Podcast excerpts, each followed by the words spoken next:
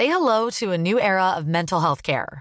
Cerebral is here to help you achieve your mental wellness goals with professional therapy and medication management support. 100% online. You'll experience the all new Cerebral Way, an innovative approach to mental wellness designed around you. You'll get a personalized treatment plan from a therapist, prescriber, or both in a safe and judgment free space. Your cerebral therapist or prescriber will outline a customized plan with clear milestones along the way so you can get to feeling your best. With Cerebral, you're not alone in your mental health journey. We're here to empower you to live a fulfilling life. So take that first step towards a brighter future and sign up today at cerebral.com slash podcast and use code ACAST to get 15% off your first month. Offer only valid on monthly plans. Other exclusions may apply. Offer ends July 31st, 2024. See site for details.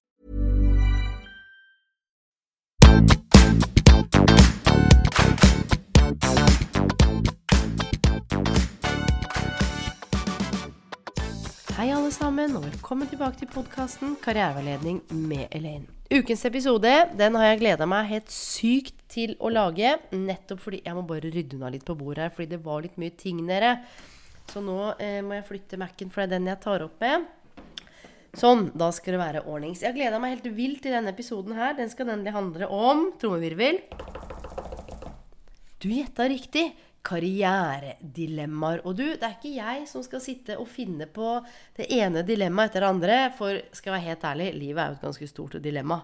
Eh, kanskje ikke for alle, men av og til så kjennes det jo sånn ut for meg.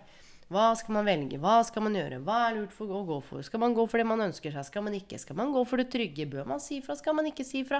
Er man egentlig syk? Er man frisk? Hm, Lurer på hva jeg tenker om meg sjøl. Lurer på hva andre kommer til å tenke om meg. Og ikke minst, hvordan veit jeg at jeg har valgt riktig?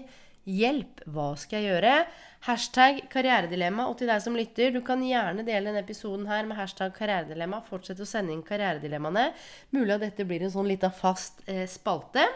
Og det har kommet inn over 336 karrieredilemmaer, og det sier jo seg selv at eh, Linda Lane Bloom på tråden her ikke kan dra opp alle de. Det hadde blitt en sjukt lang episode for deg. Eh, så det kommer til å komme en del én og en del to, og muligens en del tre. Jeg har forsøkt å systematisere og kategorisere dilemmaene, så ikke jeg leser opp liksom det samme. Men det går altså mye på drømmejobb, lån, det at en føler seg stuck. Det går på helse, det går på ledelse. Så vi skal rett og slett bare hoppe rett i det. Men før vi gjør det, så er det ikke sånn at jeg er blotta for å ha stått i karrieredilemmaer sjøl.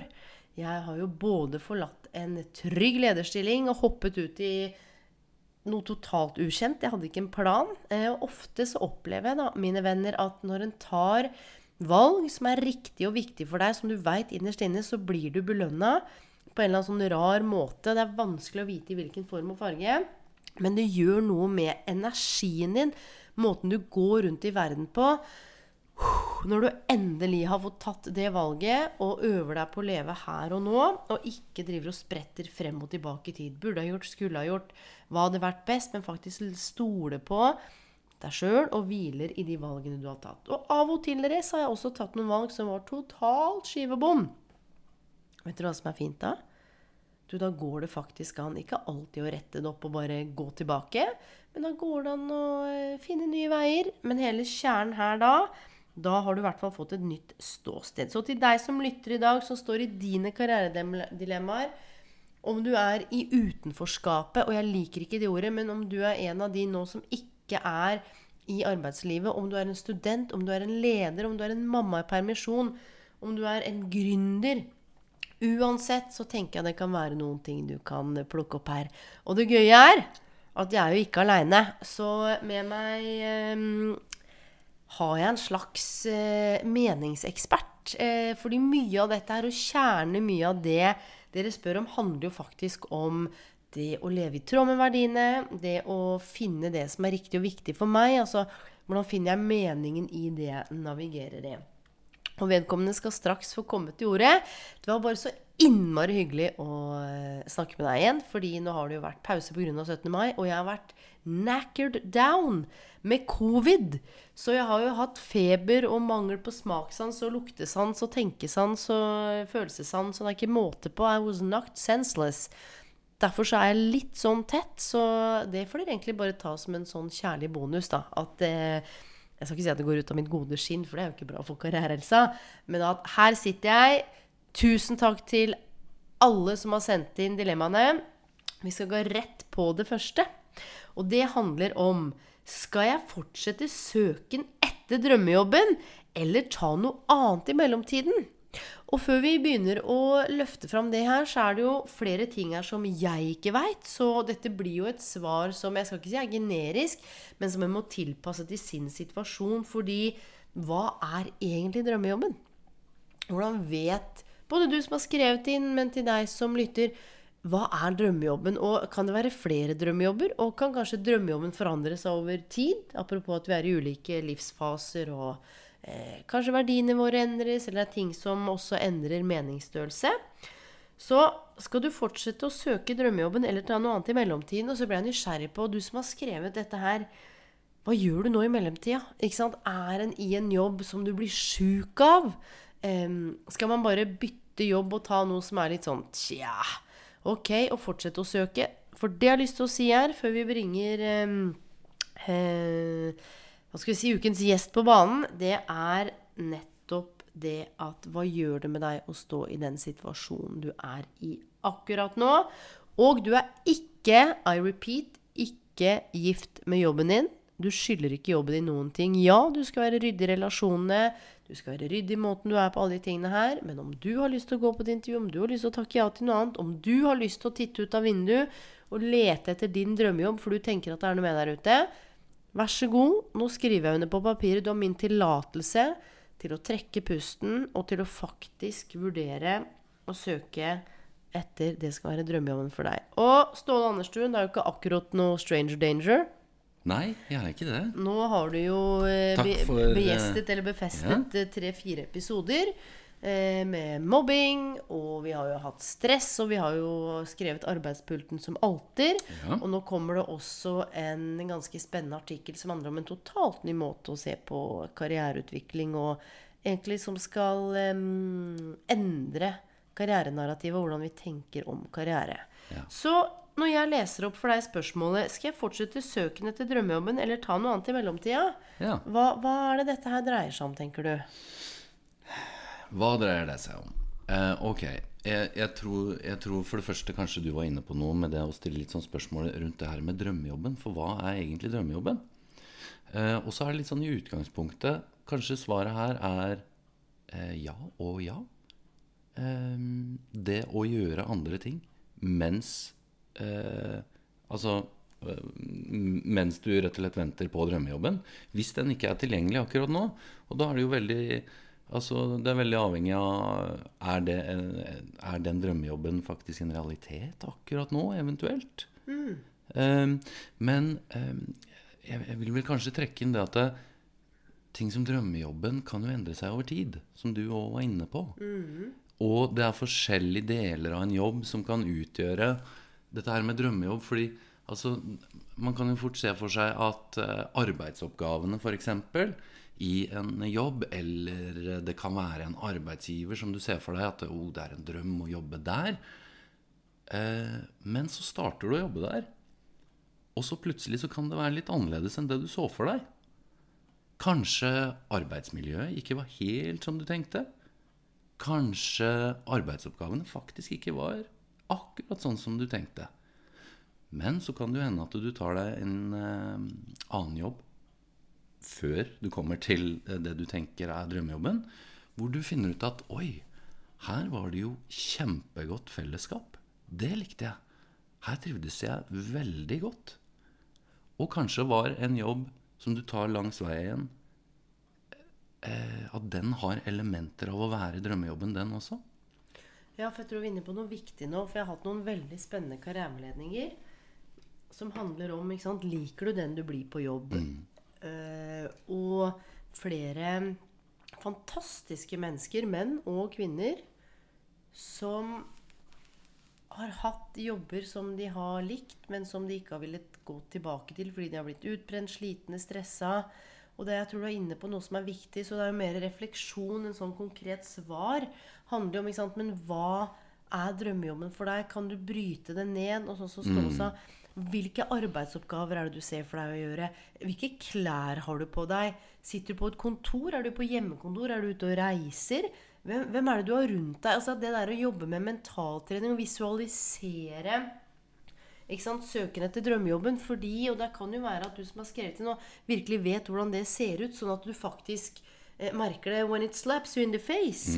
Fordi det er jo ofte det at en, en har noen tanker om hva det kan være, men virkelig mal det bildet. Hvordan ser det ut? Hva har du på deg? Hva konkret jobber du med? Hvem jobber du med? Når er du på jobb? Hva er det du bidrar til? Hvem spiser du lunsj med? Hvor spiser dere lunsj? Hva er visjonen og verdiene til selskapet? Det er liksom én ting eh, en kan gjøre. Og da vil jeg definitivt, hvis jeg skal svare konkret, så ikke det blir bare sånn bla, bla, bla Oh yes! Jeg hadde garantert fortsatt Eh, å, å, søke etter den drømmejobben når du kjenner at den bor i deg, og lagd deg en skikkelig god karriereutviklingsplan og starta med et ærlig ståsted. Hva er det jeg trenger å finne ut av mer om akkurat nå? Hvordan har jeg det akkurat nå? Hvor står jeg akkurat nå? Hva vil jeg til? Jo, drømmejobben. Beskriv den til du nesten kan den drømmejobben utenat. Ok, hva skal til for å komme dit? Er det noe etterutdanning? Er det å bruke noe i nettverket? Er det å snakke med noen? Er det at folk veit at du vil ha den jobben? Og så lage en handlingsplan og committe til det. Fordi det er ikke sikkert det er så dumt å ta noe annet i mellomtida. Og det er nettopp det her. Ingenting er noen gang bortkasta. Så om du tar deg en jobb du tenker er kjedelig og vanlig, Vet du hva, Jeg kan love deg, hvis du tar på deg læringsbrillene dine og ser på ok, da blir dette her et middel for å nå et større mål, så kan du faktisk finne masse motivasjon i det. Men da må man jo også passe seg for da, når du skal søke, og dette er et viktig poeng jeg har lyst til å løfte fram også, Så hva gjør du da hvis du går på intervju og tar en jobb og for å ta en jobb? For så har du lyst på en drømmejobb, men du er i utdanning, eller du er ikke helt i posisjon ennå. Skal han lyve på intervjuet, da, eller Ståle? Eller skal han si sånn ja, dette er drømmejobben min. Jeg vil egentlig ha en annen jobb. Jeg skal bare være her fordi hva, hva, What you do then? For dette er et dilemma i dilemma som jeg bare må trekke fram, fordi ja. det er veldig viktig. Ja. Du, og mange dilemmaer går jo ofte på det her eh, skal, jeg være, skal, jeg være, åpen og ærlig om ting? Ja. Eh, om ting sånn som de egentlig er? Eller, eller, bør jeg fortelle det som jeg tror de kanskje ønsker å høre? Her er det Altså jeg vil vel egentlig bare si at åpenhet og ærlighet på ting eh, er veien å gå. Eh, ikke lyv på et intervju, som en sånn gyllen regel, i hvert fall. Yes, Og så er det jo noe med at du trenger ikke skru på krana helt og legge ut om at du bare snubla over den stillhetsannonsen her, så egentlig så spyr du når du ser på den, men ofte var flaks at du ble kalt inn. Men det er jo noe med å få fram Da må du se på den stillingen du har søkt i midlertidig. Ok, vet du hva, det trenger ikke være drømmejobben. Og skal jeg si dere en ting? Alt er ikke drømmejobben bestandig heller. Og livet er jo ikke sånn. Husk at jeg har lagd flere episoder om dette med jobb, karriere, kall. Kanskje du nå som har sendt inn dette, skal ha en jobb nå en periode. Og så kan du ha fritid til å bruke på å komme i posisjon til drømmejobben. Men da er det noe med det at når du sitter i det intervjuet, finne noe med det selskapet, med de arbeidsoppgavene, med kanskje rollen hvor din kompetanse, erfaring, utad egenskaper er relevant. Så du kan i hvert fall snakke ekte om det. Mm. Om det så er å vaske gulv, skal jeg si deg en ting. Jeg starta selskapet mitt i 2010. Tok ikke opp lån. Ingenting. Levde, levde på 60 kroner. Og er det én jobb som er viktigere i verden, så er det å vaske gulv. fordi hvis folk ikke vasker, så er det ingen av oss som kan gå på noen kontorer. Og jeg huska da at jeg hadde bestemt meg for at jeg skulle vaske gulv hvis ikke jeg fikk dette her opp og gå. Ingen skam i det. Vet du hva jeg hadde kjent på da? Nå trengte jeg jo ikke gjøre det, for ballen begynte å rulle. Vet du hva, Det hadde jeg gjort med glede. Og tenk deg det å kunne si vet du hva, jeg har vasket, jeg vet hvordan jeg skal vaske, jeg liker å holde ting ryddig, orden og struktur. Nothing is ever wasted. Men det handler om hvordan vi rammer det inn. Så ja, hvis du veit hva som er drømmejobben, så må du jo tenke litt på når du kommer i posisjon for å få drømmejobben. Når de spør ja, hva har du gjort de tre siste åra, da? Nei, jeg satt hjemme og venta, egentlig. Så nå var det jo bra at det endelig kom, ellers vet jeg ikke hva som hadde skjedd. De kommer til å spørre deg, du, dette er drømmejobben. Hvorfor har du jobba med dette? Eller hva er det du har gjort i mellomtida? Og det å mm. kunne faktisk med integritet si Du, eh, jeg jobba med å komme i posisjon, jeg. Jeg tok jobber jeg egentlig ikke visste kunne bli spennende, og jeg lærte ting jeg egentlig ikke visste jeg skulle lære. Jeg traff folk som jeg egentlig ikke visste jeg skulle treffe. Det rusta meg for det øyeblikket her. Så jeg ville definitivt sagt, som et svar på det dilemmaet Skal jeg fortsette søken etter drømmene eller ta noe annet i mellomtiden? Ta noe annet i mellomtiden mens du søker drømmejobben parallelt. Her må vi tenke både og, og det er det som er med liksom karriere. Det er så svart-hvitt. Enten-eller. Nei, nei, nei. Tenk både og. Kanskje du skal ha en 70% jobb, så du har 30% fritid til å konsentrere deg om drømmejobben. Ja, helt enig. Ja. Ja. Og det kan en jo finne mening i, så skape et sånt lite prosjekt. Ålreit, så er det nummer to. Dette her er jo noe, Stål, jeg veit eh, du liker å snakke om, og jeg liker å snakke om. Mhm, ja, nå er Hvordan, spent. ja, hvordan sette seg ned og jobbe fram sitt why, altså sitt hvorfor, passion, purpose, meaning. Ah. Vil for mye, men jeg klarer ikke begrense meg. Ergo tolker jeg eh, Jeg vil gjøre alt. Litt sånn multipotentialite som er sikkert glad i veldig mye forskjellig, og Ja. sliter med Kanskje kan tolke det å finne retning, og finne liksom sin, sitt, sitt kall, da. Ja, ikke sant? Fin, finne sitt hvorfor. Ja. Du, det er jo veldig spennende. Fordi når vi snakker om jobb, når vi møter nye folk f.eks., så vi presenteres jo sjelden med nettopp det som blir spurt om her. eh, hvorfor vi jobber med det vi jobber med. Det er jo gjerne hva vi jobber med. Ja, jeg er advokat, jeg er eh, Ja, jeg jobber i butikk. Sånne type ting. Heller enn det hvorfor. Men eh, ok, nå skal vi prøve å være litt konkrete her, da. På Ja. det som blir spurt om her. Hvordan sette seg ned og finne sitt hvorfor. Ja. Noen forslag til det kan jo være å sette seg ned og være litt sånn systematisk og se på ok, interessene. Hva slags interesser er det jeg har, og hvordan er de sammenfallende med ulike typer jobber der ute? Apropos det å se på roller, arbeidsoppgaver osv. Det er én ting. Sortere litt i interessene. En annen ting er jo verdiene, som du var inne på. Se på bedriftens verdier, dine verdier. Hvordan er de sammenfallende? Hva er det som er grunnleggende viktig for deg? Når du eh, skal ut og finne noe som er viktig for deg, da. apropos det å finne meaning and purpose, noe som virkelig betyr noe for deg, så er det disse grunnleggende verdiene, eh, kjerneverdier, eh, som er veldig styrende for å finne det som er meningsfylt. Og så kanskje en tredje ting her er hva er det du er naturlig god på? Hva er, det, hva er det du liker å gjøre? Hva er, du, hva er det du er god på? Så her har du tre ting eh, som, som du kan se på, og så er, og så er det en liten sånn morsom ting. Eh, hva er det du kan gjøre eh, med tanke på det med å finne ditt hvorfor? Hva er det du ønsker å gjøre som bidrar til å hjelpe andre mennesker? Bidra til noe som er større enn deg selv? Det kan være et sånn fjerde tips her, hvis du skal sette deg ned her. Og jeg tenker også i tillegg til det, så er det jo noe med eh, Når en snakker om å finne sitt hvorfor liksom Bak det òg, hva, hva er sant? Hun skriver også 'Vil for mye og klarer ikke begrense meg'. Eh, bare at en klarer ikke å begrense seg. Ikke sant? Still deg selv spørsmålet hva handler det om? Ja. Hva, hva er det du er redd for å gå glipp av? Er det noe FOMO der? Er det noe med at den jobben er bedre enn den, den utdanningen er bedre enn den, den retningen er bedre enn den? Skal en velge én ting, så må du gi slipp på noe annet. Den eneste måten vi kan finne ut av også vårt hvorfor, det handler jo om å, å skape bevegelse og gå i én retning. For jeg kan sitte og tenke at oh, my why er å jobbe med utenforskap og vanskeligstilte ungdom. Eh, eller ungdom som har hatt det vanskelig, mer enn vanskeligstilte ungdom, for jeg liker heller ikke det begrepet. Og så kan jeg tenke at det er det jeg har lyst til. Men jeg veit jo ikke helt hva det krever av meg, hva jeg må stå i før jeg faktisk står i det. Så det ene er å liksom reflektere og sover du når en snakker om dette med at det er vanskelig å begrense seg. Ja, hva handler det om? Ja, og, og, og her er det også spennende med det å finne sitt hvorfor. Fordi akkurat som du snakker om nå, så er det det med at eh, ditt hvorfor vil antageligvis endre seg over tid. Det vil være annerledes når du er eh, 20, til du er 30, til du er 40, 50, 60 Mm. videre. Og så vil jeg si dette med å find your big why. Hva hvis det er flere hvorfor som henger sammen? Så det jeg har lyst til å si til deg som at du ikke klarer å begrense deg, ta penn og papir eller Mac-en din, PC, whatever, og så skriv alle de tingene, alle interessene du har, som Ståle sier. Få ned verdiene dine, få ned styrkene dine, få ned hva du har lyst til å bidra med. Bare lag seks kolonner bortover.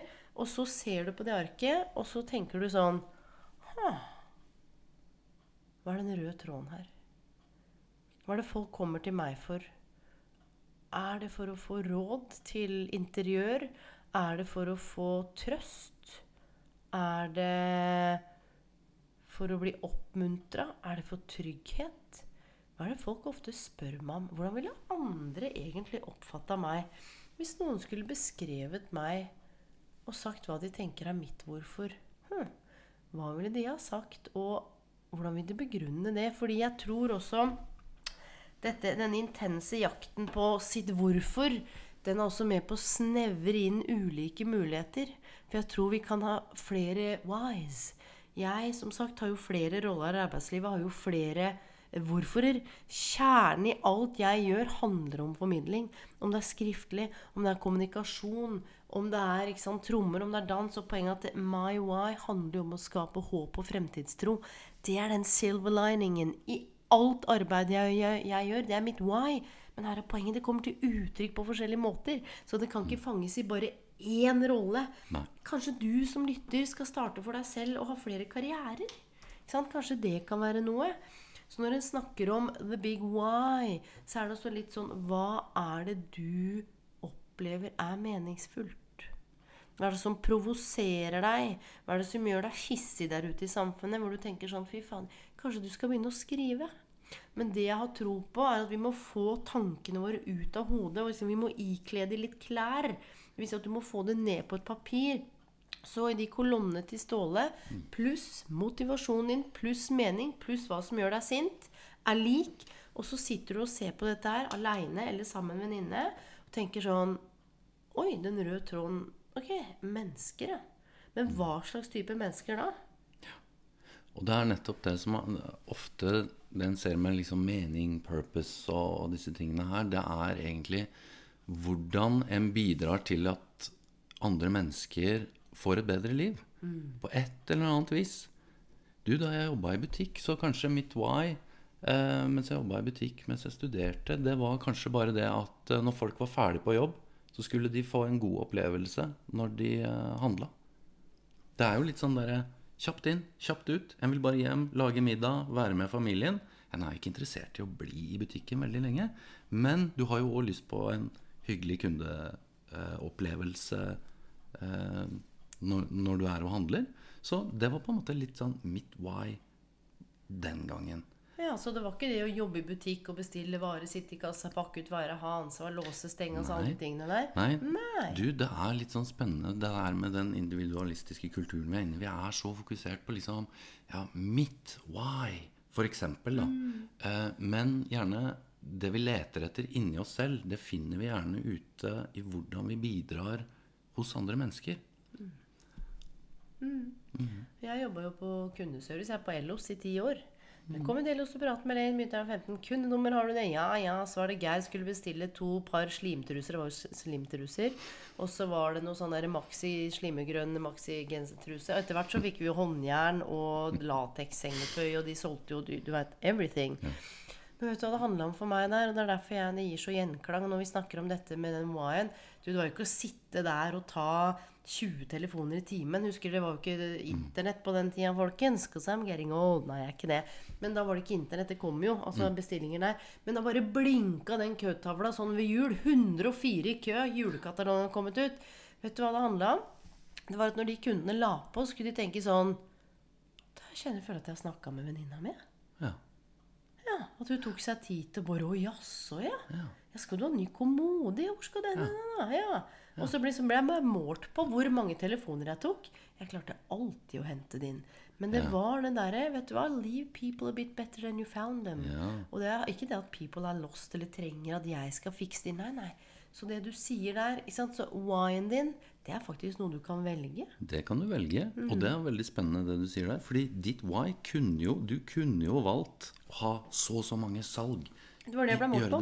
Ja, ikke sant? Men, men det var jo ikke det som var viktig for meg. Nei. Og det er dette her vi skrev om i Arbeidspulsen med Altor, at den av og til er skåret av fra helheten eller fra totalen, eller det bærekraftige det en gjør. For en sitter bare og tar telefonen. Hvis jeg bare skulle sitte og tatt telefonen og plisa de der tallene og alt det kjøret der, så hadde jeg vært på den jobben en uke. I'm a people's person. Men kanskje du som har skrevet dette her, er et naturvitenskapelig perspektiv og vil ha to streker under svaret. Ja, hvordan kan du lage en formel, stå på laben, eh, ta blod, ikke sant, gjøre noe om det så ikke er for individet direkte, men kanskje tenke at winen din påvirker et eller annet menneske der ute til det bedre. Og så vet en ikke før en har prøvd. Og God help me, jeg har jo stått i ulike ting i arbeidslivet, og det har du òg. Men mening veit jo du og jeg. Det er ikke noe som bare slår deg. Det er noe en kan skape på lik linje med motivasjon. Det kommer ikke bare og slaps you in the face. ikke sant? Når du begynner å bevege deg, så kommer motivasjonen. Når du begynner å gå, så kommer endorfin. ikke sant? Du kan ikke sitte og vente på det. Og jeg tror det er den med denne wine, derfor jeg blir så glad òg. For vet du hva? Hvorfor trenger du å begrense deg, da? Ja. Vet du hva? Fra kaosteori innenfor karriereveiledning sier at vi mennesker vi er individuelle, komplekse systemer. Vi må kalles et system eh, fordi vi har begrensninger. Ikke sant? Hvis ikke så hadde vi ikke vært en organisme som er i system. Vi bare flytte ut. Så poenget er at vi må ha noen begrensninger. Og hva hvis du begynner i den andre enden, da? Kjære deg som har skrevet inn. Hva er begrensningene dine? Og ikke for at du skal overkomme det eller bli bedre. Hva er det du ikke liker å gjøre? Hva er det du ikke er god på? Start å eliminere isteden. Og så øv deg på å sitte igjen med to-tre retninger eller to-tre whys etter du kanskje har gjort den sorteringsøvelsen. Og igjen What's the silver lining? Hva er den røde tråden din? Er det fysisk aktivitet? Eh, mat? Folkehelse? Bidra til hva da? Der tror jeg du kan finne wine, og ikke minst også bare det å sende inn her, men snakke med andre mennesker. Ja, så kan jeg legge til en sånn siste del her. du. Du, eh, jeg vet ikke om det er tilfellet akkurat her, men i mange tilfeller, i mange mennesker som, eh, som jeg har møtt i veiledningssituasjonen, så handler det her om det å tørre å faktisk drømme. Tørre det å stole på det du faktisk har lyst til å gå for. Fordi så ofte det som begrenser oss, det er det at vi tenker ja, jeg har kanskje egentlig lyst til å gjøre det her, men det er, det er, det er ikke helt sannsynlig. Derfor så begynner jeg å lete etter flere alternativer. Derfor begynner jeg å se etter Oi, nå har jeg fem, seks, sju, åtte, ni ting.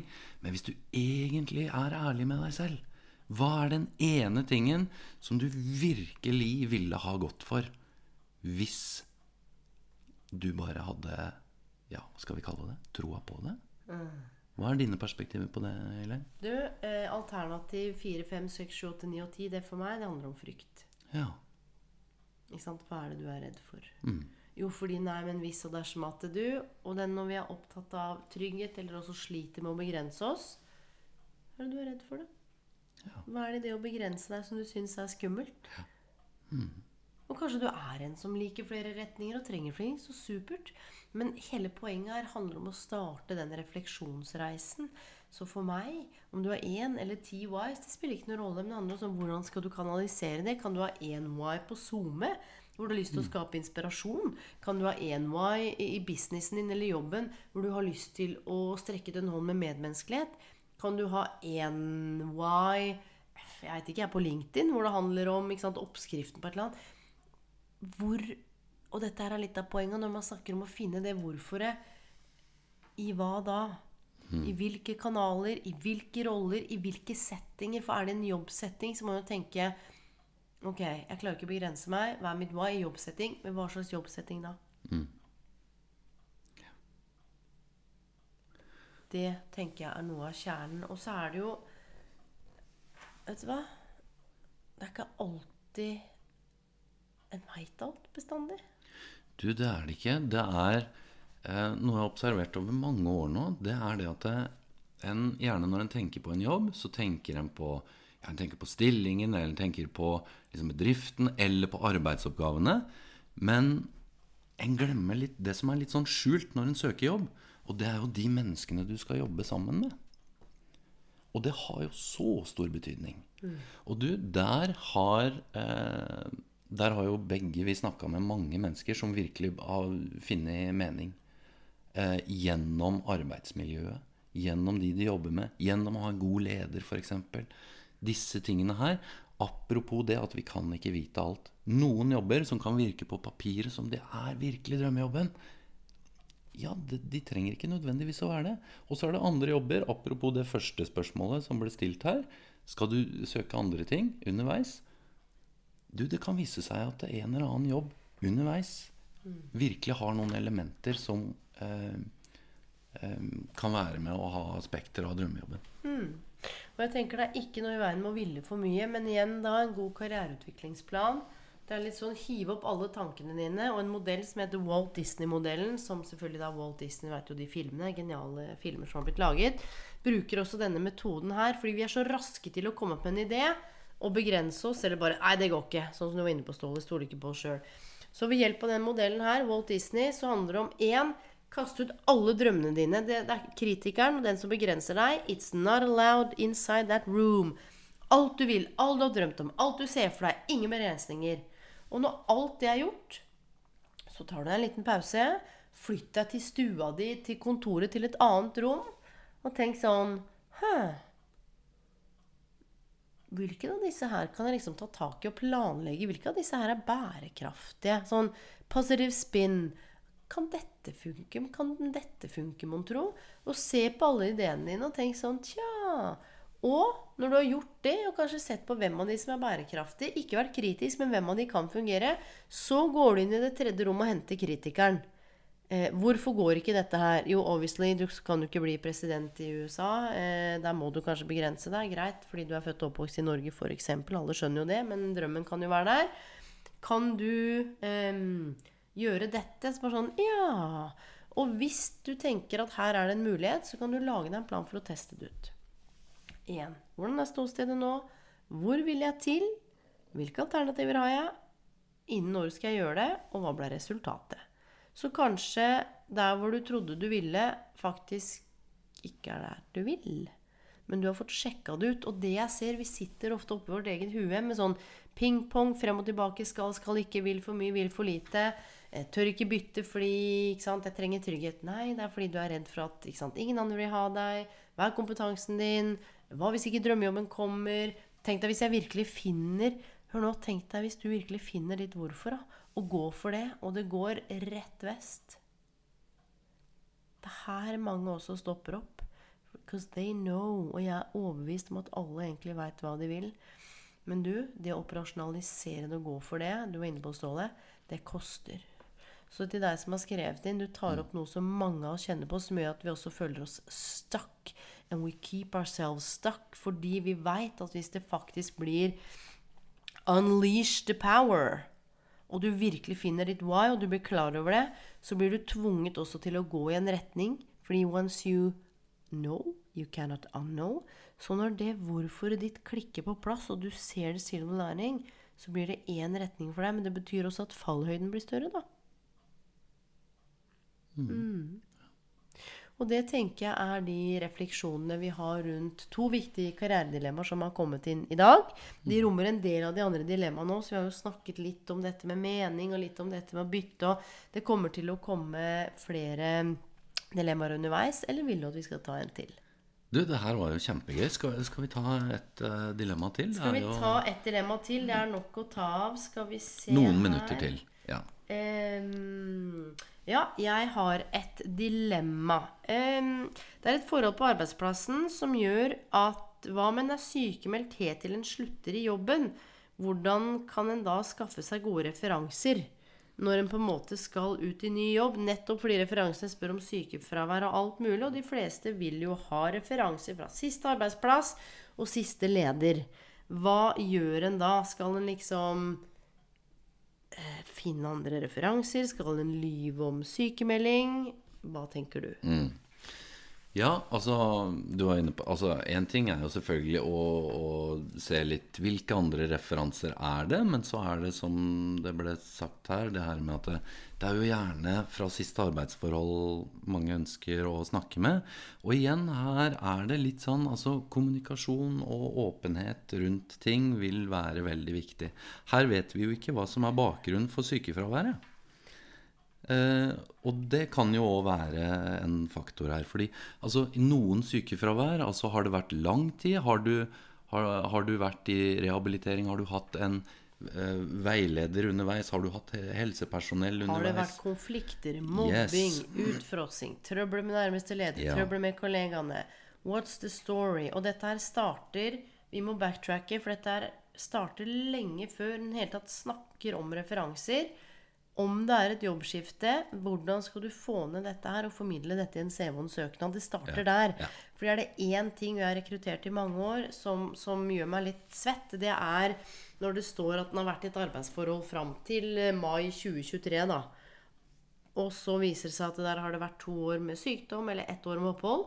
Men det fremgår ikke av CV-en. Da føler jeg meg lurt. Ubevisst da, i det møtet, og kanskje så blir jeg sånn Her er det en som holder tilbake informasjon. Jeg tror vi skal hoppe to skritt tilbake og tenke sånn Ok, det er flere ting. Er det ene Vær veldig bevisst på når en kommer til et intervju og skal snakke om dette, og snakk ut ifra mitt perspektiv. ikke sant? Jeg var sykemeldt en periode, trengte å samle krefter. Eller det jeg lærte under den perioden, var Og dette er viktige kompetanser jeg tar med meg inn. Sjeldent lurt å snakke om dritt arbeidsmiljø, sjefen var gæren, man ble behandla dårlig. Fordi Norge er lite, og man veit aldri hvem som kjenner andre. Pluss at den andre parten i rommet har jo ikke muligheten til å forsvare seg, så det er noe etisk i det òg. Så nummer én Det er ikke sikkert at du som har sendt den her, har gjort noe som helst for at du skal havne i en situasjon hvor du er sykemeldt, hvis vi snakker om konflikter, trøbbel med kollega og leder, som er dritvondt å stå i. Sånn at det, jeg har jobba med folk som griner før de skal på jobb. De våkner opp og gråter før de går på jobb. De gruer seg til å gå på jobb. De sitter med høye skuldre og har vondt i magen. Til slutt sier det stopp. Ikke sant? Men det er som du sier, det kan være andre ting. En frozen shoulder, eh, barselspermisjon, depresjon. Det kan være masse. Så uavhengig av årsak, hva, what's your narrative? Hva er din story rundt at du har vært sykemeldt? Ei den, og øv også på å kommunisere den. Og Jeg skal ikke si at du skal være stolt av den sånn og gå og flagge det hvis ikke det er det. Men det handler om å eie den historien og stå støtt i den og si 'Dette var meg da. Det jeg har lært, og dette er meg nå'. Du finner ingen som er mer motivert enn meg. Så den erfaringen er verdifull. Nummer én. Nummer to. Ok, så her må du kommunisere det også i en CV. Men du, Elaine. Ja. Hva hvis eh, jeg da som arbeidstaker også har vært sykemeldt, og så har det kanskje vært en liten konflikt med lederen? Ja. Hva, hva vil jeg gjøre da?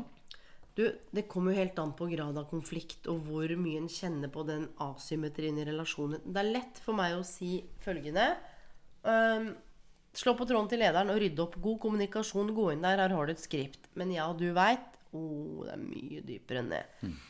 Så det jeg tenker her Én, ei historien din. Nummer to, vær bevisst på hvordan du skriver om det. At fra da til da Det var en periode i livet hvor jeg valgte å, å reetablere og reorientere meg. Det jeg lærte var kan Du trenger skrive en eller to setninger, men sørg for at det er ærlig. Og husk at i en søknad også så du skal ikke skru på krana og hvelve ut sånn 'Å, jeg har vært sykemeldt og stått i konflikt. Endelig har jeg kommet meg.' Ikke sant? Dropp det. Du skal sende av gårde noen dokumenter, kanskje. Og så er jo jobben din å bli kalt inn på intervju. Men om det er en konflikt, i den grad det er mulig å løse, eller å ta med seg en tillitsvalgt, ta med seg en fra HR og si 'Du, nå er jeg ved enden av liksom arbeidsforholdet. Nå ønsker jeg at vi tre tar et møte bare for å er vi ferdig. Og så går det an å spørre ikke sant, er du referansen min. Eller ja, hvis det er det, hva vil du si om meg? Det er ikke sikkert du får et ærlig svar, men noe av det viktigste jeg har lyst til å få med her, det er å ha referanser som prater drit om deg. Det er jo ikke bra. Og jeg har jo jobbet med folk som har vært på titalls intervjuer som aldri har kommet videre. Og jeg har måttet ringe referansen og si du, hei. Eh, du har jo vært lederen til en som heter Sigrid tidligere. Kan ikke du fortelle meg litt om henne? Ja, uten at jeg liksom måtte presentere. Nei, hun liksom ville ikke tatt det med ildtang engang. Og det er sånn Men Sigrid var sånn Å ja, nei, jeg tror jeg har fine referanser. Det var litt støy. Så det er flere ting å ta tak i her. Én, hvordan har du det i forhold til det du har stått i opplevd? Hvem er du i møte med det å være sykemeldt? Ser du på deg selv som mindre? Kjenner du på skam? Hvordan har du tenkt å møte det i intervjuet? Hvordan har du tenkt å møte det i CV-en, eventuelt i en søknad? Og ikke minst når du får spørsmålet. Ja. Du, og her er det så viktig, fordi sånn som vi snakker om det nå, så blir det uh, the end all be all i det intervjuet. apropos narrativet, hva er din historie? Ja. Det å snu om her på at eh, du, det er jo ikke det som gjør at du sitter på det intervjuet in the first place. Nei. Det som gjør at du sitter på dette intervjuet, er jo alt det du har gjort før du blir sykemeldt. Og kanskje, Ev eventuelt ting underveis mens du har vært sykemeldt. Og ha fokus på det. Og vi har jo begge møtt så mange som med en gang i en sånn intervjusetting eh, da går rett tilbake og plutselig er i konflikten igjen. Ja. Og det er det som er poenget, fordi vi er inn og ut av tilstander hele dagen. Jeg lagde en episode om mentaltrening og tilstandsstyring. Og hvordan når vi begynner å snakke om de tingene som har irritert oss, hvordan vi får opp bilder av den konflikten, blir dratt rett tilbake emosjonelt, og så blir man forknytt. Og jeg hadde faktisk en mentaltrening, nei, coachingutdannelse nå i helgen, hvor jeg gjorde en eh, live demo da, foran hele klassen på noe som heter perseptuell fleksibilitet. Som handler om det var en konflikt i en relasjon, og hvordan en ved hjelp av en coach eller kan gå inn og så få strekt liksom em, posisjonen sin, så du ser deg selv fra første posisjon, men du blir guida inn i posisjonen til den andre. Og det er også ganske kraftfullt. Og så får du muligheten til å se konflikten utenifra som en tredjepart, og se på de to som er i konflikt. Og så får du muligheten til å bli noe som heter dobbelt disassosiert, så du ser deg selv se konflikten. Og det er for at du skal nedeskalere følelsene. Og det er akkurat det du sier der når du får spørsmål. Og det å vite hvordan du skal håndtere det, og snakke om du har tatt et bevisst valg om, om, at du ble sykemeldt, eller sånn ble det. Og det du har opplevd, er det lederen din har gjort, det du har stått i, med mindre det er sjukt relevant for den nye stillingen, så kan det jo være interessant å få fram. Det er når vi blir dratt inn i den konflikten, så begynner vi å snakke om og grave og peke utover. Og det kan være godt mulig at det er det som er reelt. Men du sitter overfor en eller to mennesker som aldri har sett deg før, som 30-40-45 minutter skal evaluere om du er en good fit inn i denne jobben her. Så hvis vi gjør sånn her, da, til deg som har sendt inn, snu på det. Hvordan ville du foretrukket når du skulle rekruttere noen til ditt AS, at de fortalte om noe de har stått i? Ville du at de skulle skjult det? Nei. Ville de at du skulle skrudd på kranen og fortalt hvor dritt alt var? Nei. Eller hadde du satt pris på noen hadde sagt ja, du, så fint at du spør. Det har vært eh, et år nå hvor jeg har vært sykemeldt. Det var en veldig tøff periode på jobben. Og det jeg kjente jeg trengte da, er jo at jeg har jo alltid vært en som står på mye og veldig pliktoppfyllende. Det var å trekke meg tilbake og få lov til å samle meg litt. Grann. Og det jeg har gjort i den perioden her da, er å bruke tid på å sette grenser, reflektere hva som er viktig for meg. Em, og det var en konflikt som vi sto i, som ble løst helt på slutten der, med hjelp av HR og kommunikasjon, hvis det er det. Men nå sitter jeg her. Det jeg har lyst til å bidra med Du kan jo velge hvor stor plass det tar. Og her er også poenget hvis noen fortsetter sånn Ja, men den konflikten, fortell meg mer om den. Og du, da kan du um, kaste ballen tilbake og si Du, jeg er litt nysgjerrig. Hvordan er det at jeg har stått i konflikt, eller hvordan er det at jeg har vært sykemeldt, hvordan er det relevant for den stillingen her? Ja. Og hvis de gjør sånn Nei, eh, er det noen slags bekymring rundt at jeg skal begynne jobben og sykemelde meg raskt? Eller fordi du med god onboarding og rett og slett et ok arbeidsmiljø, så se på CV-en min. Jeg begynte her da jeg var sånn, gjorde dette, og så tok jeg den utdanningen samtidig. Det å være sykemeldt, det er du ikke aleine om. Det er det ingenting å skamme seg over. Men det er akkurat dette her.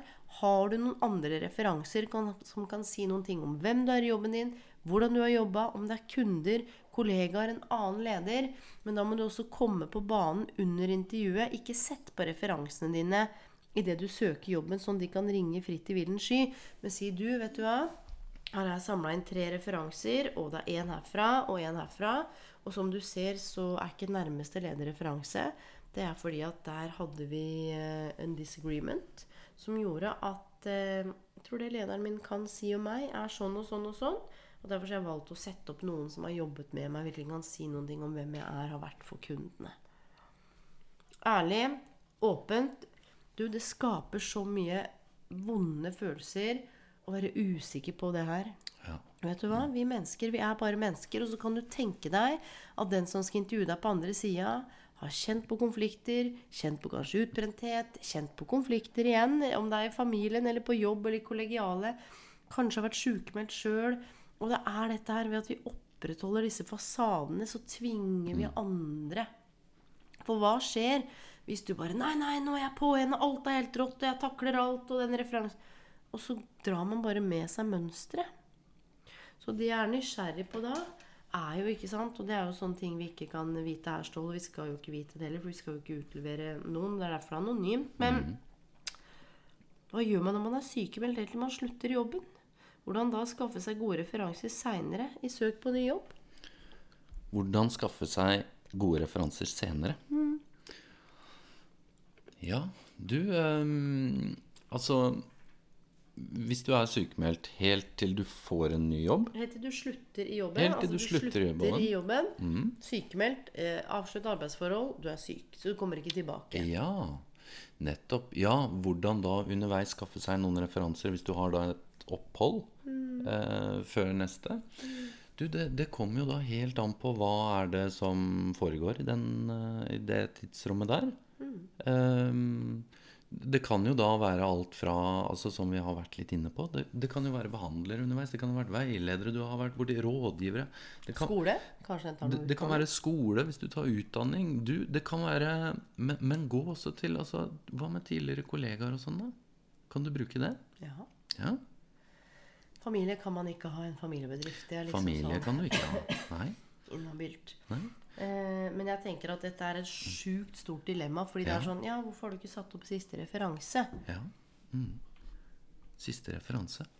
Ja, du, men, men, men her er det også Altså, den, den eh, siste, siste lederen du har hatt da, under sykemelding, for å gå litt tilbake til det, kan jo fortsatt være en veldig god referanse. Altså, og hvis det har vært sånn at det har vært konflikter, eller det har vært noen uenigheter, eller sånne type ting, så er det akkurat det vi har vært innom. Det er den ærligheten og åpenheten om det. Um, og, og, og som vi har vært inne på også, å, finne gode måter å snakke om det på. Det å eie den historien. Fordi livet skjer. Det skjer jo med oss alle. På et eller annet tidspunkt så vil vi stå i noe som er vanskelig. Enten pga. noe som skjer med oss selv, eller noen rundt oss som vi er glad i. Og jeg tenker det aller Jeg er ikke så glad i råd, men det aller beste rådet jeg kan gi snakk med den tidligere lederen din. Ja, absolutt. Ta med deg en tillitsvalgt, en venninne, en dinosaur inn der hvis du er redd for å bli angrepet. Altså Ta med deg en, om det er en Nav-veileder, hvis det har kommet til det. Legen din, HR, en eller annen. Og bare få det på det rene. Nå er jeg ferdig, nå skal jeg ut og søke nye jobber. Eh, hvordan løser vi dette? Og hvis det er en leder som jeg håper ikke er ute etter å ødelegge for deg, for da tenker jeg sånn Come on. Da you better check yourself. Ja. Så det er nok det viktigste rådet. Og det er det rådet som er jævligst å gi. For det er det 99 kvier seg for. Du, jeg har vært, eh, jobbet sjukt mye med omorganisering, nedbemanning, omstilling. Jeg har sett noen arbeidsmiljøer som er helt hinsider. Så jeg har sett noen feige, svake ledere som har skapt splid og splitt og hersk innad i organisasjonen. Hvor ansatte har vært livredde og bare ja, sagt ja og jatta. Mens på bakrommet Oh my God, they're scared. Fordi lederen har mye makt. Så jeg har veldig respekt for det perspektivet også. At det, ja, ja, det er lett for deg å si. Ja, du, og jeg har også tatt de rundene sjøl noen ganger, for jeg har jobbet mye med ledere som har vært crazy. Ja, ja, ja. Så fins det også fantastiske ledere som ved hjelp av kommunikasjon får trøbbelet her. At vi lever oppi hverandres hoder. Det er så mye uttalte forventninger. Det er så mye ulike narrativer. Kanskje lederen ikke er så sint, eller kanskje det at du har vært sykemeldt og borte, eh, kanskje ikke har vært den belastningen for organisasjonen som du tror at det er. Nei. God, gammeldags kommunikasjon. Og hvis du sliter med face to face, skriv et brev. Ja, og du, gjerne når de ringer en referanse der, så vil ikke nødvendigvis eh, hovedpoenget være dette her med ja, hvordan, hvordan, ble, hvordan ble han eller hun, altså hen, Eller hen. syk? Eh, hva skjedde under sykdomsperioden? Men mer det hvordan var personen altså profesjonelt sett, når han var på jobb? Hvordan løste arbeidsoppgavene? Ja. Hvordan samarbeidet? Ja. Alle disse tingene Og så kan det jo være sånn og har vedkommende vært borte. Ja, det var en sykdomsperiode Ja. på sånn og sånn. Ok. Så det handler jo litt om hva som er fokus. Og her, er- det er dette Mm. er poenget. da Vi må skille mellom fakta og følelser. Og det er mye føling rundt her fordi det er så jæskla masse variabler. Kan Mm. du kontrollere hvem som ringte referansen din? Ja, kanskje det er Gerd du var på intervju hos, veit du hva hun skal spørre om? Nei. Kan du kontrollere hva referansen din sier? Nei.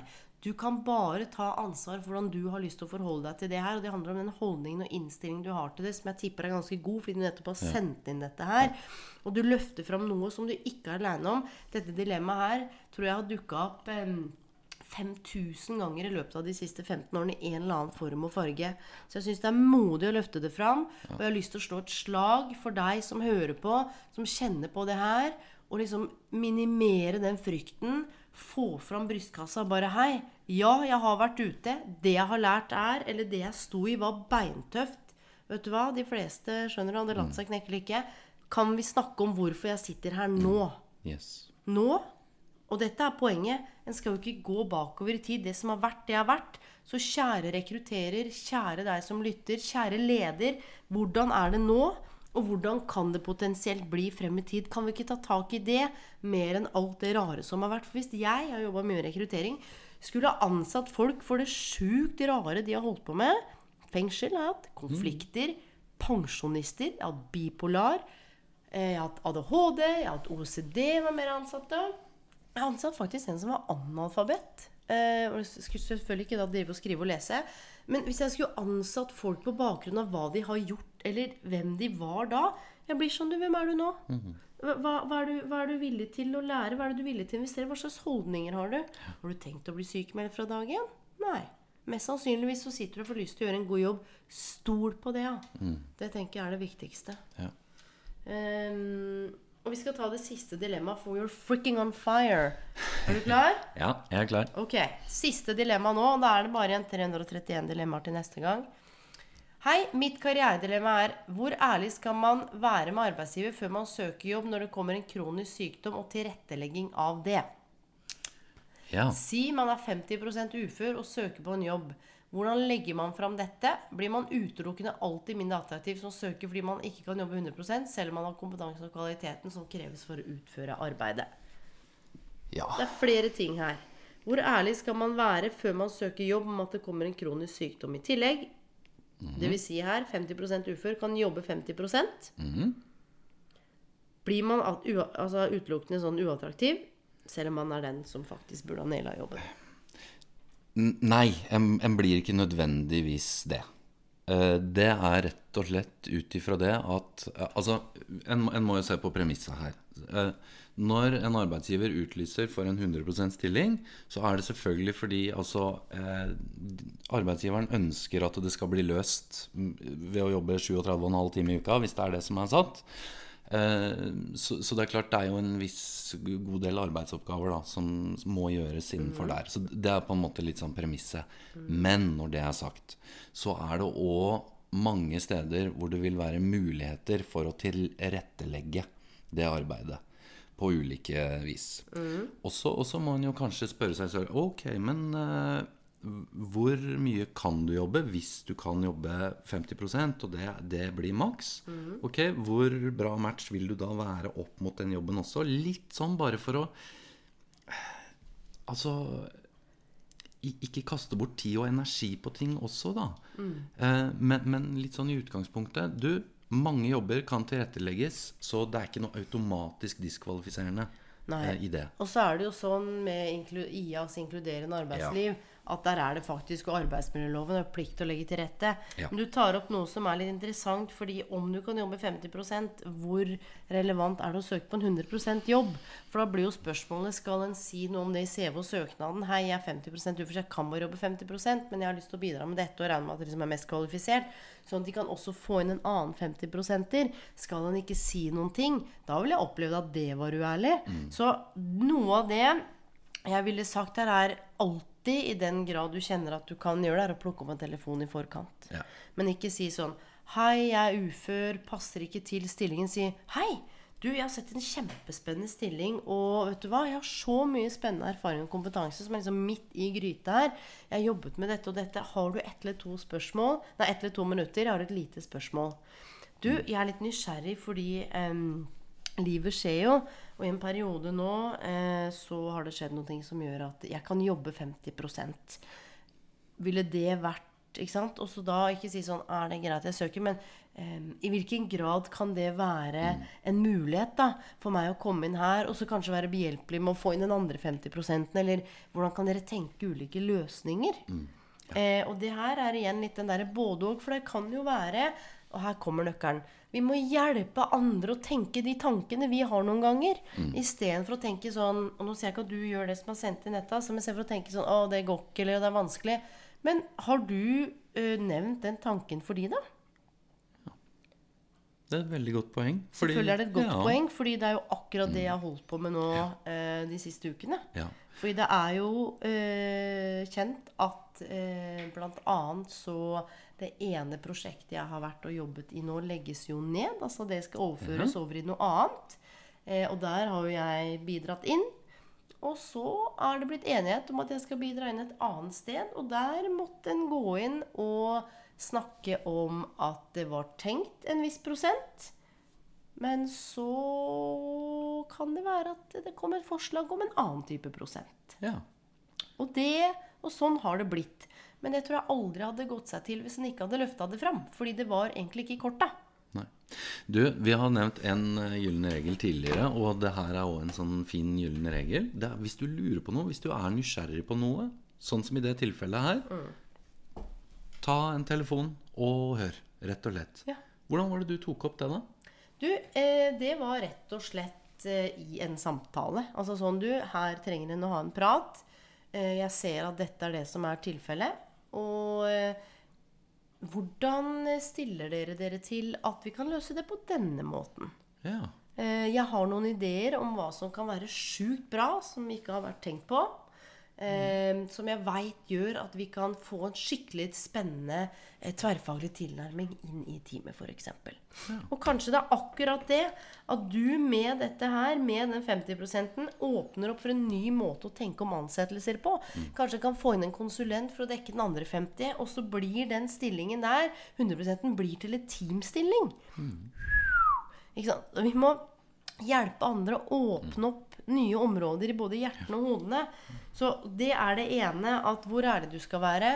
Her hadde jeg uansett tatt en telefon i den grad det går an. Eie igjen det narrativet, men også handle om hvordan en legger det fram. En skal jo ikke lyve. Men igjen, jeg har jo rekruttert i mange år. Hvis det først er sånn Hei, jeg er ufør. Eh, er, det, er det det som definerer hvem du er? Det er jo kanskje det siste jeg hadde definert deg som. Eh, hvem er du som menneske? Hva kan du? Hva vil du? Hva brenner du for? Hva gjør deg trist? Hva er du opptatt av? Arbeids... Å, det er ufør, ja. Hmm. Ok. Eh, dette er jo utgangspunktet en 100% stilling. Så jeg vet egentlig ikke hva har du tenkt, kjære deg, når du ringer til meg og forteller at du bare kan jobbe 50% Hvilke tanker gjør du deg om det? Vær i forkant. Nummer to Em, så det er det ene. ikke sant? At der kan en jo faktisk få avklart en del ting, sånn at en ikke sitter og bruker sjukt mye tid på Finn. Eh, er det sånn at det går an å søke 50 %-stillinger? Nå er det kanskje mindre av de, men Du, det er fortsatt ganske mange. Men eh, ja, du, det, det, kan- det kan jo være litt andre typer jobber, selvfølgelig. Men Ja. ja. Og så er det sånn, ikke sant? Hvilke muligheter har jeg når jeg er ufør eller med en 50% stilling? La oss snu på det. Hvilke muligheter har du lyst til å skape, da? Hva er jobbidentiteten din? For jeg skal love deg at jobbidentiteten din er i hvert fall ikke uførheten. It's a, det er én del av deg, men det definerer jo ikke hvem du er. Altså, Du er jo 50 arbeidsfrisk og arbe har arbeidsfunksjon. Det er jo der trøkket må ligge. Kan du kontakte topp ti bedrifter som du har lyst til å jobbe for? Kan du se på verdiene i visjonen? Kan du finne en måte å knytte opp med dem på LinkedIn? Kan du finne en måte å sende en åpen søknad? Hei! ehm, har fulgt bedriften deres en stund, og verdien deres er så i tråd med det jeg brenner for. Vet dere hva? Eh, sånn og sånn og sånn. Virkelig har muligheten til å vise hvem jeg er, og bidra inn i en 50% stilling. Du, det går an, det. Og om det er sånn at du blir mindre attraktiv hvis du som ufør 50% søker en 100 %-stilling? Ja, definitivt. Og nå er det sikkert noen som kan bli krenka eller synes at jeg er sjukt kjip. Men hvis jeg har utløst, utlyst en 100% stilling, og jeg får inn en søknad på en 50% og det står jeg er ufør, så veit Eller jeg vet hva jeg skal gjøre med det, for jeg har jobbet med arbeidsinkludering og Ja, ja. integrering. Og, Men la oss eh, regne med at det bare ikke er normen. Så veit jeg ikke hva jeg skal gjøre med det. Du, det er nettopp det, den kommunikasjonen her. Vi må hjelpe Yes. folk til å gjøre oss gode. Og, ikke sant? og det er samme som i et parforhold. Du kan ikke sitte oppi hodet ditt og bare håpe at partneren din tar ut søpla hvis ikke du har sagt noen ting. Og det er ikke sikkert det handler om søpla engang. Men da må du hjelpe de å finne gode løsninger. Ja, det er nettopp det. Altså, vi er jo ikke tankelesere. Nei. Ja, ja, ingen kan lese noens tanker. Nei. Så du, du må rett og slett gå ut og be om det. Yes! Og folk må vite at du fins. Og vet du hva? Det er noe med det at når du har kompetansen og kvalitet som kreves for å utføre det arbeidet Halleluja! Jeg tenker folk er heldige som får deg. Du, og da bidra inn i de 50 er jo mye viktigere å ha fokus på det du kan, enn det du ikke kan. Yes. Så det handler også om hvordan du formidler det i et intervju, i en CV og en søknad, ikke minst hvor skal du legge inn kruttet. Yes. Og det tipset som du kom med innledningsvis, dette her med IA-bedrifter Ja, ja, ja. Hold, uh, keep, keep a special eye uh, ut etter f.eks. da IA-bedrifter. For der er jo det her et spesielt fokus også. Ja, og nå veit jo ikke jeg helt hva du har tenkt til å jobbe med. Men altså inkluderende arbeidsliv altså Målet er å skape et bedre arbeidsliv med plass til alle. Gjennom å forebygge fravær, eh, frafall, sykefravær. Men også at det er en hovedarena for at du skal ha et godt liv. Og at det faktisk skulle være plass til alle. Og dette er en avtale som omfatter hele arbeidslivet. Og da er liksom arbeidsplassene er hovedarenaen for inkluderende arbeidsliv. Så det hadde jeg absolutt satt meg ned og tatt en liten sånn titt på. Eh, hvilke bedrifter har IA-avtaler? F.eks. så kan en gå inn på Nav. IA-avtale for 2019 til 2022, bare som et eksempel. Så står det eh, ekspertutvalget, hvilke bedrifter som er omfattet av det. Og det er klart at da kan du begynne å bli interessant, da. Og er det én ting jeg veit Nå har jeg vel aldri snakket om eh, Nå sitter jeg og trykker på PC-en min, dere. Nå har jeg aldri snakket om andre selskaper, jeg framsnakker der det er viktig. Men det er blant annet eh, en bedrift som heter Copano, som er en landsdekkende kjede av Norges ledende arbeid- og inkluderingsbedrifter. Det er eid av det offentlige, men jobber for at alle skal få det de drømmer om i arbeidslivet. Kanskje du kunne tatt eh, kontakt med daglig leder der og spurt har du noen tips og råd på veien. Kanskje du skal være med på podkasten min og snakke om dette her. Hvordan vi kan navigere dette her. Eh, det at alle skal få en mulighet. Så Copano kan være én ting. Nav, inkluderende arbeidsliv. Sjekk det ut. Ja, sjekk Ikke det ut. sitt aleine og brenne inne med det her. Men jeg veit, og jeg sier det gang på gang du, Kommunikasjon er grunnlaget for alt. Hva slags kommunikasjon er det du har med deg selv om dette her? Mm. Ikke sant? Har du et avklart forhold til at nå er det sånn der, kan du være stolt av det på sett og vis, selv om det høres helt banalt ut. Men at du faktisk har kommet til det punktet hvor det er det kroppen og kanskje hodet ditt tåler. Det er den eh, arbeidskapasiteten du har. Og virkelig være stolt av den. Og den andre tiden skal du bruke til egenomsorg, selvrespekt og ta vare på deg. Hvis ikke det er en arbeidstaker, men som også har eh, kompetansen og vettet og alt annet i behold, som jeg opplever at du har, så veit ikke jeg. ass. Jeg hadde ansatt deg på flekken. Men poenget er at det handler om hvordan vi kommuniserer om dette her. Mm, nettopp. Og med det så har vi i hvert fall løfta fram fire ganske brede dilemmaer. Og her er det bare, når du hører episoden, gå inn og rate podkasten hvis du vil det. Det er ikke så ofte jeg ber deg om det, men gjerne gjør det. Um, send meg en mail, eller finn meg på Lane underscore Bloom. Sjekk ut karrierehelse. Det er masse spennende som skjer der nå, selv om det er litt lite action i Facebook-gruppa nettopp fordi det er så mye annet som har foregått nå. Ehm, jeg skal straks lede et svært opplegg nå hvor Else Kåss Furuseth kommer, og det er et foredrag i morgen. og vi skal ha sykefraværskonferansen og Ungt utenforskap, og karrierehelse har kommet for å bli. Du som lytter, du har en karrierehelse. Hvordan tar du vare på din? Stopp opp, reflekter over om du liker den du blir på jobben. Hvem blir du i møte med arbeidsoppgavene, med lederen, med kollegaene? Hvordan tar du med deg dette hjem? Og straks nå så slipper jeg en artikkel på frida.no, kvinnehelse på nett, som handler om karrierehelse og sex og samliv. Du, det fins ulike former for intimitet, og ikke minst hvordan påvirker karrierehelsa vår work-life balance, og det at vi faktisk nå tar oss sjøl på alvor, stopper opp, hviler når vi trenger det, setter grenser når vi trenger det, puster ut når vi trenger det, ber om hjelp når vi trenger det, snakker høyt om de tingene vi står i. Og det er derfor vi gjør dette her også, Ståle. Ja. For å redusere den karriereskammen som bare Alle snakker om åpenhet, men fy fader, hvor mange som står aleine i ting. Det er det.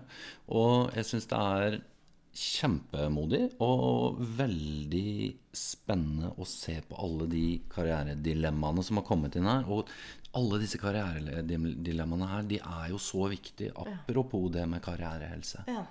Og du som har sendt inn, jeg kan love deg det du har sendt inn, er det noen andre som står i kjenne på. Og kanskje eh, ved at vi apropos håp og fremtidstro har løfta fram noe av det som akkurat du som lytter sitter og tenker på. Og du, det som sjelden snakkes om. Og det er jo det vi elsker. Vi er ikke redd for å gå inn i døden, inn i sorg, inn i samlivsbruddet, inn i urettferdigheten, inn i liksom the biases, inn i det å kjenne på det å være ufør. Du, det er ikke noe sånn lettvekter, det heller. Det, å- det altså uførhet. Vi har jobba med det begge to i mange år. Du har jobba i Nav i mange år. Jeg har jobbet tett med Nav i mange år. Jeg har sett hva uføre kan gjøre med noen. Jeg har sett på de som har drømt om å bli det, som ikke kan bli det. Eh, Jeg har sett på de som har kjempa den mest sinnssyke kampen for restarbeidsevne, nå heter det noe annet, for restkapasitet, for ikke å bli trodd, for å ha blitt trodd. Jeg har fulgt folk til Nav. Jeg har grinet med folk. Jeg har jubla. Jeg har hissa meg opp. Og jeg veit at du har sittet i nøyaktig mye av de samme prosessene. Og vi har vært med leger, vi har vært med psykologer, vi har vært med eh, kandidater. Så du, når en snakker om dette med uførhet til dere som lytter, og til deg som kanskje står utenfor skapet, det er ingenting vi tar lett på, og vi har sett eh, virkelig tøffe ting. Og vi har også sett folk kjempe seg ut og opp på noe og stå opp for seg sjøl på sånn måte jeg ikke trodde var mulig. Alle vi bærer på noe. Jeg veit at du bærer på ditt. Jeg veit at jeg bærer på mitt. Jeg veit at du som lytter, bærer på ditt. Tenk deg hvis jeg hadde samla alt det. Bare lagt utover. Du, det er jo det. Det her, her er det mest menneskelige av det menneskelige å snakke om med tanke på jobb og karriere. Og de to største pilarene i livet er liksom jobb og hjemme. Ja. Jobben påvirker hvordan du har det hjemme. Hjemme påvirker Og karrierehelsa. It sits right in the middle. Ja. Så tusen takk for engasjementet, for dine bidrag, Ståle. Til deg som har tatt deg tid til å drive og trykke og taste inn, og så følge meg på det Instagram, og ja, som bare er engasjert i dette, og sammen. Ikke sant? Karrierehelse handler om at vi sammen skal skape et bærekraftig arbeidsliv for fremtida. Og det, jeg tror det er det her er et riktig skritt på veien. Definitivt. Så mine venner, på gjenhør hvor enn du er i verden, god natt, god morgen, god kveld. Jeg håper du veit hvor viktig du er. Jeg håper du veit at du er av verdi, og at det ikke finnes noen som deg, og at du, akkurat du, om du veit your why eller ikke, har noe som verden trenger.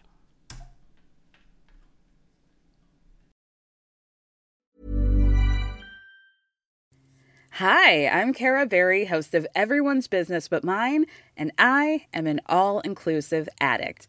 Enter Club Med, the best all inclusive for you and your family. With resorts worldwide, from their family flagship resort, Club Med Punta Cana, to their only mountain resort in Canada, Club Med Quebec, they have everything you need to relax. With their 20 plus sports activities, wellness programs, you can dine on delicious cuisine and make memories with your family. So book your next getaway with Club Med. Visit clubmed.us or call 1 800 Club Med or your travel advisor.